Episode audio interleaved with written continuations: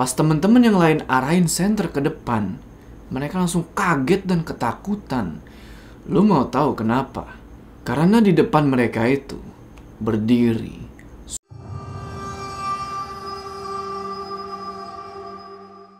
Assalamualaikum teman-teman, balik lagi sama gua Jo. Apa kabar kalian semua? Semoga kalian semua yang menonton video ini diberikan kesehatan, dilancarkan rezekinya dan selalu dimudahkan urusan-urusannya dan selalu diberikan perlindungan dari wabah yang sedang melanda dunia saat ini dan bagi yang muslim semoga puasa kalian lancar ya sampai hari Idul Fitri.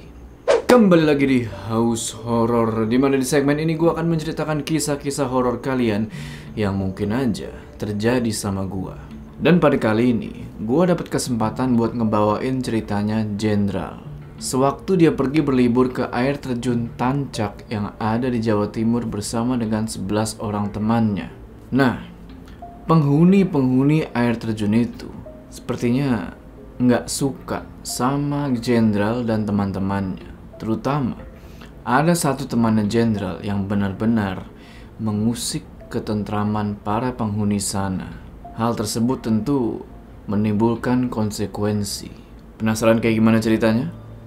Tonton video ini terus. Sebelum kita mulai, gue mau ngenalin dulu nih brand yang keren abis. Mungkin kebanyakan dari kalian udah pada tahu. Cuman, bagi yang belum tahu nih, nama brand ini adalah Hoodieku.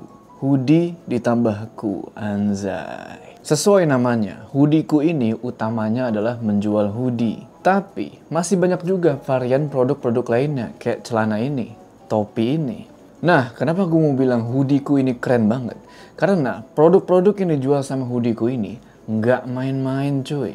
Produknya itu bagus-bagus banget, nggak ada yang abal-abal. Desainnya simple, nggak norak, dan pastinya cocok dipakai sama hampir semua kalangan. Baik yang muda, yang tua, atau bahkan dari alam lain. Bahannya itu ya, pokoknya the best deh. Contohnya kayak yang gue pakai ini.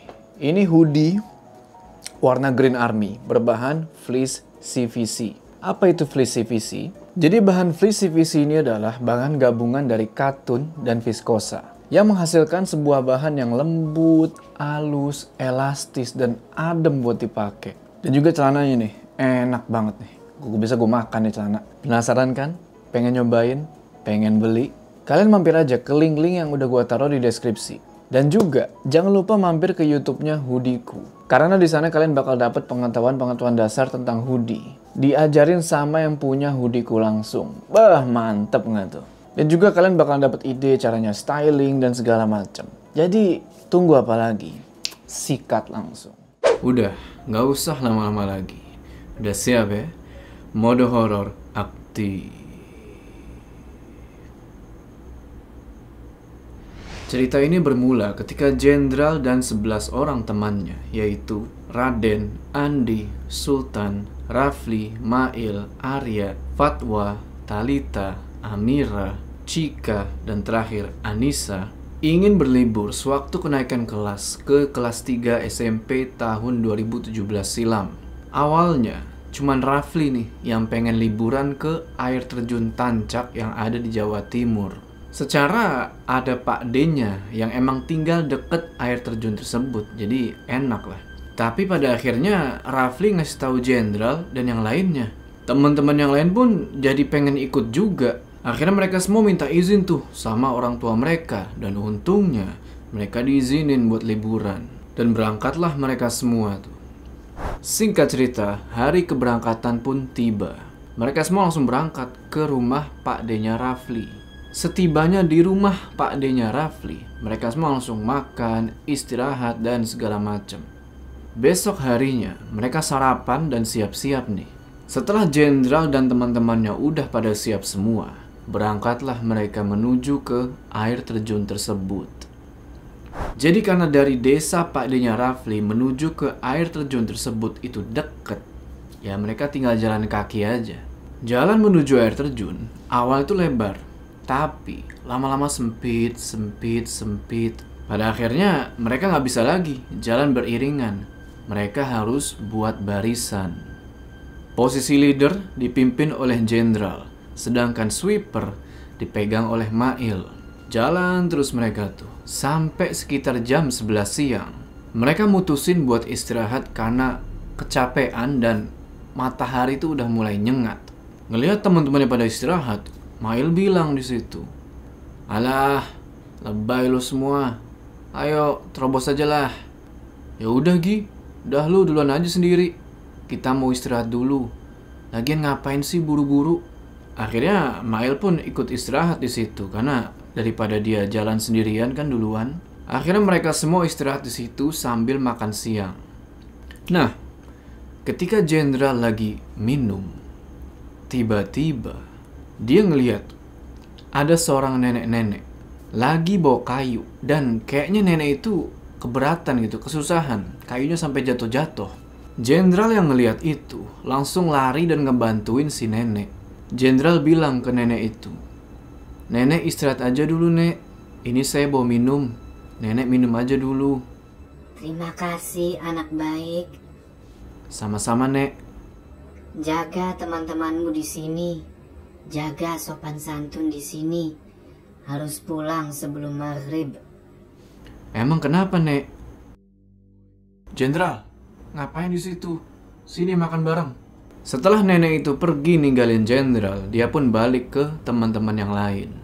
Pas lagi jalan menuju ke temen-temennya itu, dia penasaran nih. Dia nengok lagi ke arah nenek-nenek yang tadi. Dan pas dia nengok, si nenek udah gak ada. Yang bikin dia heran, itu jalan cuman lurus dan datar. Otomatis kalau si nenek itu emang beneran manusia ya, pasti masih kelihatan dong dan lagi pula, nenek itu jalannya lambat. Ketika mereka lagi istirahat itu, si Mail, Mail ini lagi sibuk main ketapel. Dia pakai ketapel itu buat nembak-nembakin hewan. Jadi ada hewan lewat apa ditembak sama dia. Jenderal bilang di situ, Mail, lo ngapain sih? Bukannya makan bareng-bareng? Bacot lo ah. Ya udahlah kan. Selesai makan, mereka pun mau melanjutin perjalanan. Tapi, ketika mereka mau melanjutin perjalanan, kedengeran azan zuhur. Jenderal terus bilang di situ, kita sholat dulu. Ngapain sih Jen? Kita udah istirahat lama. Lu buang-buang waktu tau nggak? Lu nggak denger azan? Apa salahnya kita sholat dulu di sini? Ya udah, lu sholat aja.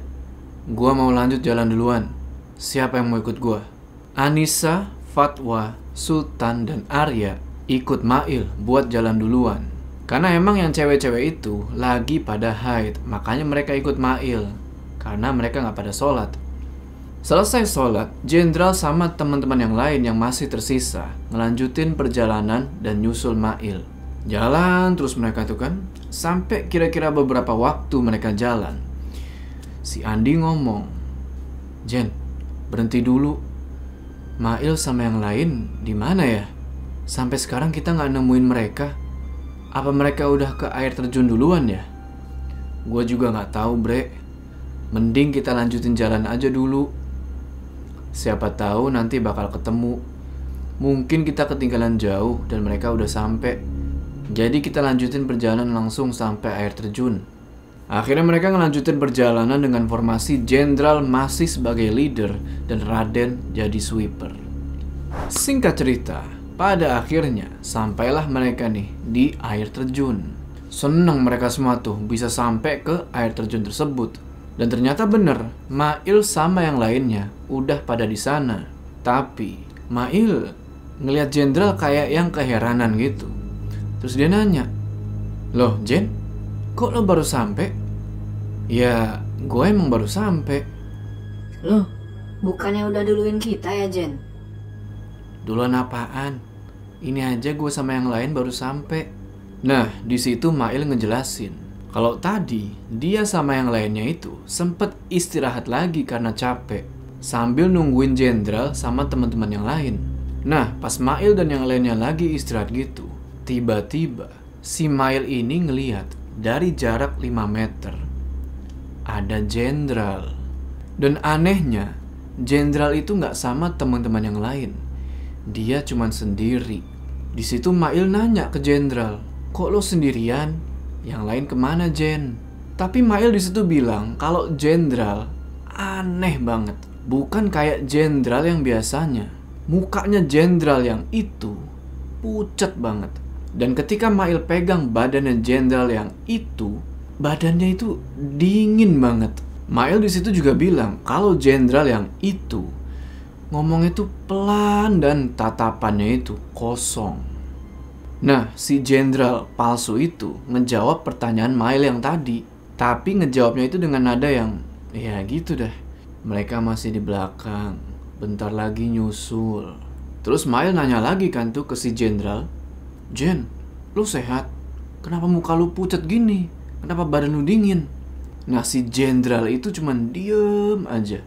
Pada akhirnya si Mail ini kehilangan kesabaran. Dia sempat emosi tuh. Dia bilang, jangan bercanda ya. Nah lagi-lagi si jenderal itu ngejawab dengan nada yang menurut Mail tuh serem banget. Dia bilang gini, gua mau jalan duluan. Nanti gua tunggu di sana. Ya udahlah tuh. Pada akhirnya si jenderal yang itu jalan duluan, ninggalin Mail sama teman-teman yang lain yang masih pada istirahat. Setelah itu, Mail sama yang lainnya sempat ngalihin pandangan tuh dari jenderal buat sementara waktu.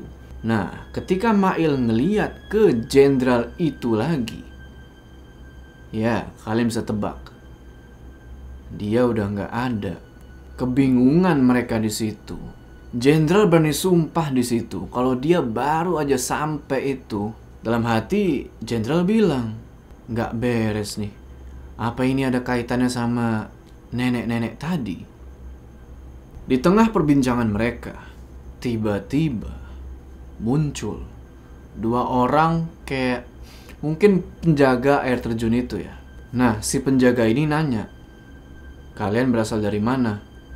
Jakarta, Mas ngobrol-ngobrol ngalor ngidul gitu sampai akhirnya penjaga itu cerita kalau dulu pernah ada rombongan mahasiswa yang ke situ. Salah satu dari mereka hilang. Setelah dicari oleh warga dan tim pencari, akhirnya jasad mahasiswa itu ditemukan, tapi dalam kondisi yang mengenaskan. Cuman tinggal kepala di atas pohon besar. Ketika jenderal mau nanya, kenapa kok bisa begitu? apa yang dilakuin sama mahasiswa itu? Penjaga itu nggak ngejawab dan mereka pergi. Ini penjaga agak gokil juga ya. Orang baru nyampe air terjun, pengen seneng-seneng, dikasih cerita-cerita yang begitu. Hmm. Oke lah, karena jenderal dan yang lainnya itu saking senengnya, mereka nggak peduliin tentang cerita itu. Mereka main-main di air terjun itu, mereka foto-foto, sampai akhirnya mereka capek dan mereka tidur tuh di sekitaran air terjun itu, bukan di dalam air ya. Nah, bangun-bangun itu jam setengah lima sore. Setelah bangun itu, Jenderal langsung ngebangunin teman-teman yang lain karena udah benar-benar kesorean di situ. Dan di situ udah sepi, tinggal mereka doang. Sebelum jalan, Jenderal ngajak teman-temannya buat sholat asar dulu. Tapi, lagi-lagi si Mail ini bilang, Udah, nggak usah sholat, tar aja sholat maghrib. Ini kita udah kesorean bang. Tapi Jenderal nggak peduli. Dia sama teman-teman yang lain tetap sholat, kecuali Mail, Anissa, dan Fatwa. Selesai sholat, mereka semua langsung prepare buat jalan pulang. Awal-awal perjalanan kembali ke desa itu, belum terjadi apa-apa. Mereka terus jalan sampai matahari itu mulai terbenam. Dan di saat yang bersamaan, turun kabut. Alhasil, mereka jadi agak kesusahan nih buat ngeliat jalan.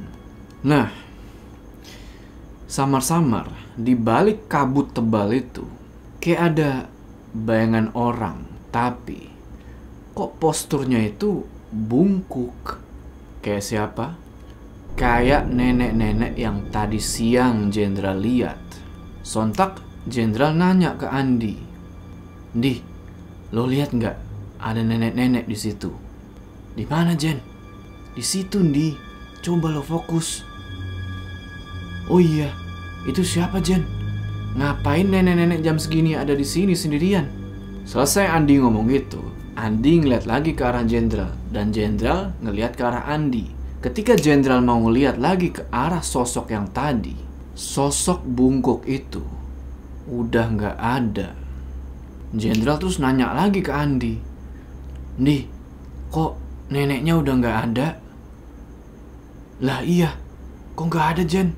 Sumpah gue merinding. Tiba-tiba, Allahu Akbar, Allahu Akbar. Kedengeran suara azan maghrib dari HP-nya Jenderal. Muncul tuh notifikasi azan. Di situ dia baru inget sama pesan nenek yang tadi. Kalian inget nggak pesan nenek tadi apa? Harus segera turun sebelum maghrib.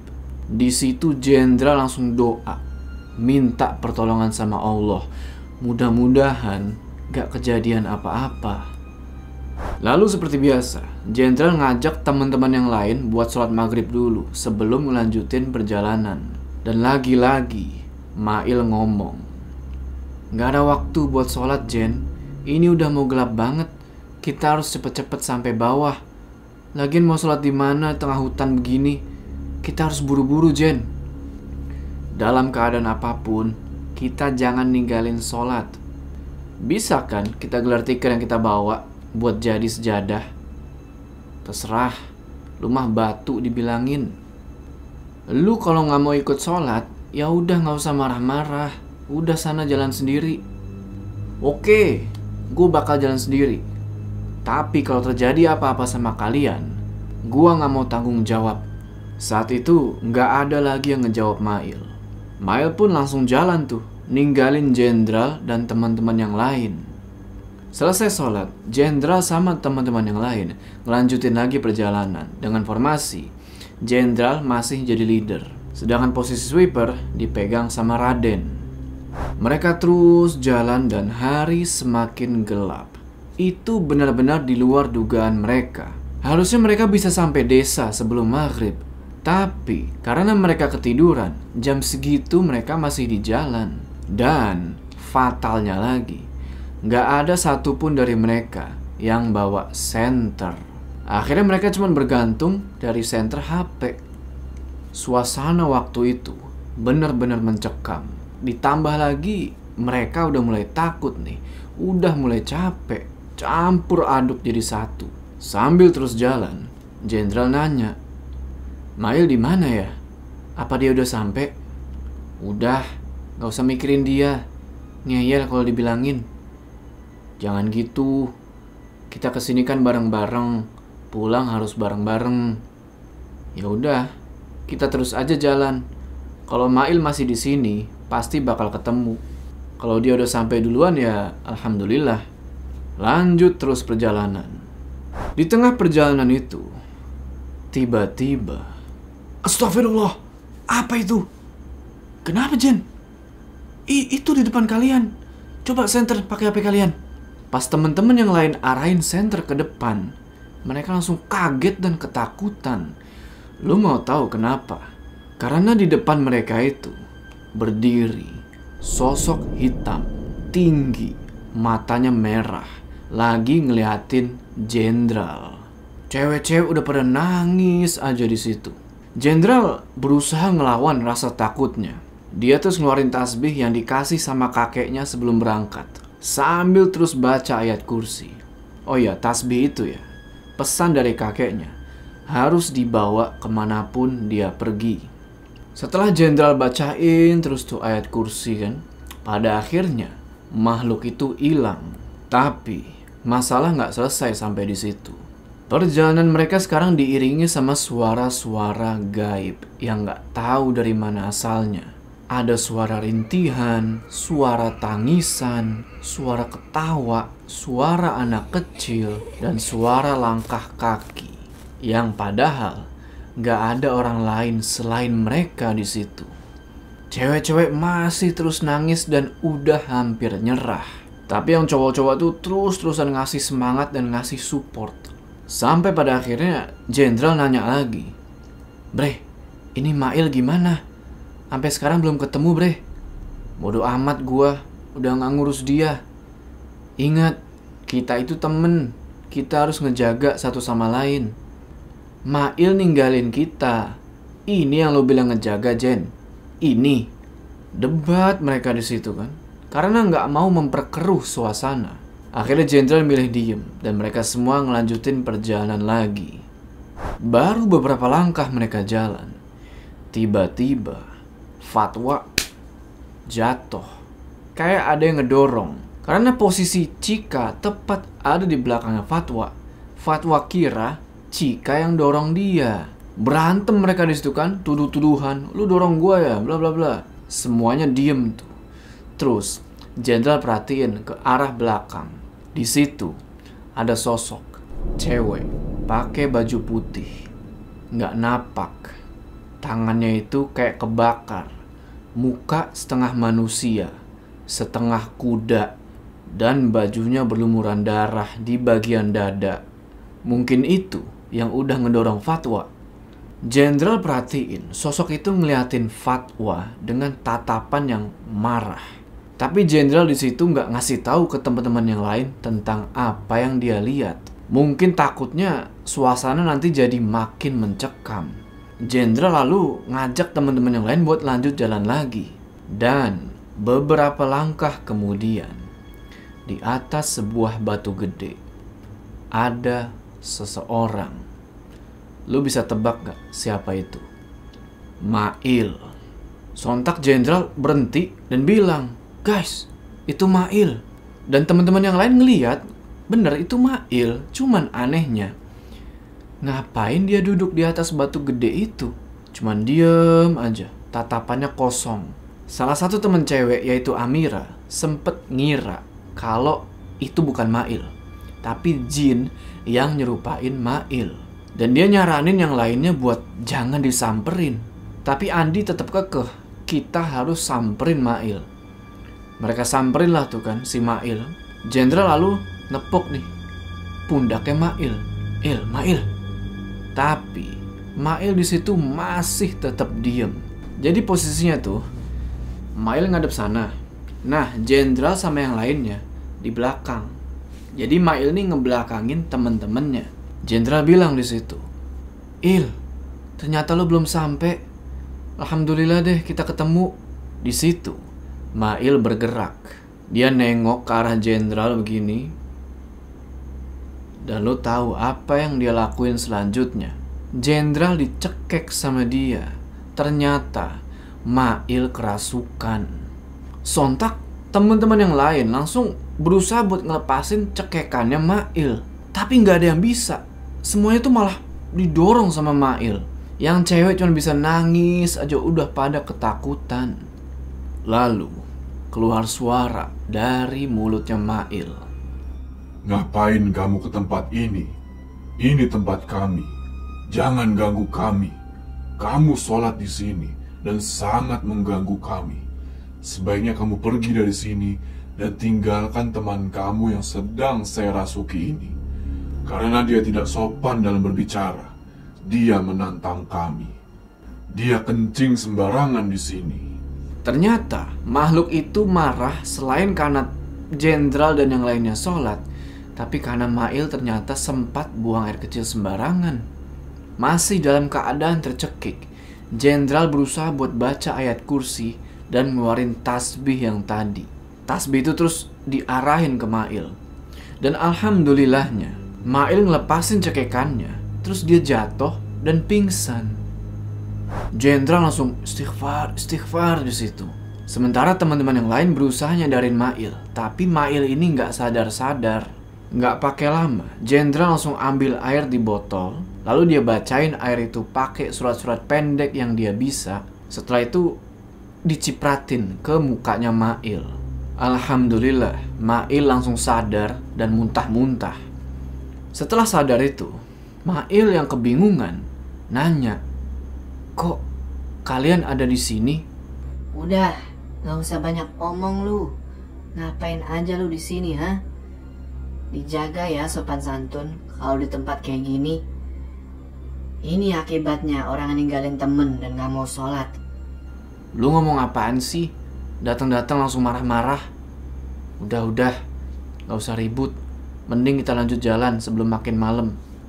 Lanjut lagi perjalanan menuju ke desa. Di tengah sisa perjalanan ini, Jenderal sempat beberapa kali ngeliat yang namanya pocong. Tapi lagi-lagi Jenderal cuma diem aja di situ. Dia nggak bilang tentang apa yang dia lihat ke teman-temannya. Singkat cerita, mereka terus jalan sampai akhirnya kelihatan nih lampu-lampu rumah warga. Dan di situ tiba-tiba inget kan sosok putih yang tadi sosok itu tiba-tiba muncul di depan jenderal. Karena kaget dan takut, dia langsung ngalihin pandangan dan ngomong dalam hati. Tolong pergi, tolong pergi. Jangan ganggu saya dan teman-teman saya. Yang di luar dugaan, sosok itu berbisik ke jenderal. Cepat tinggalkan tempat ini. Hanya kalian manusia yang ada di sini. Jenderal langsung lanjut jalan lagi sambil nyuruh teman-temannya buat ayo cepet, ayo cepet. Cuman muncul lagi masalah di situ. Fatwa susah buat jalan. Akhirnya jenderal inisiatif buat menggendong Fatwa. Tapi baru dia mau gendong, dia kaget karena ternyata di pundaknya Fatwa itu ada sosok cewek. Pantes dia berat. Tapi cuman jenderal yang lihat itu, teman-teman yang lain enggak. Sebelum ngegendong fatwa, jenderal baca lagi tuh ayat kursi dan dia keluarin lagi tuh tasbih. Alhamdulillah, sosok tadi langsung hilang. Akhirnya fatwa digendong dan mereka ngelanjutin perjalanan sampai ke desa dengan selamat.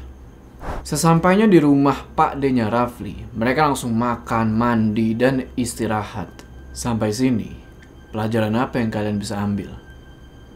Oke teman-teman, gimana tuh tadi ceritanya? Tulis pendapat kalian di kolom komentar ya. Gue setuju banget sama Jenderal. Di mana pun kita berada, kita sebagai muslim, jangan pernah tinggalkan sholat. Sebelum kita berpisah, jangan lupa kalian like video ini dan bagi yang belum subscribe, ayo subscribe sekarang ke channel ini supaya kalian gak ketinggalan cerita-cerita horor selanjutnya. Gua Jo, sampai ketemu di cerita selanjutnya.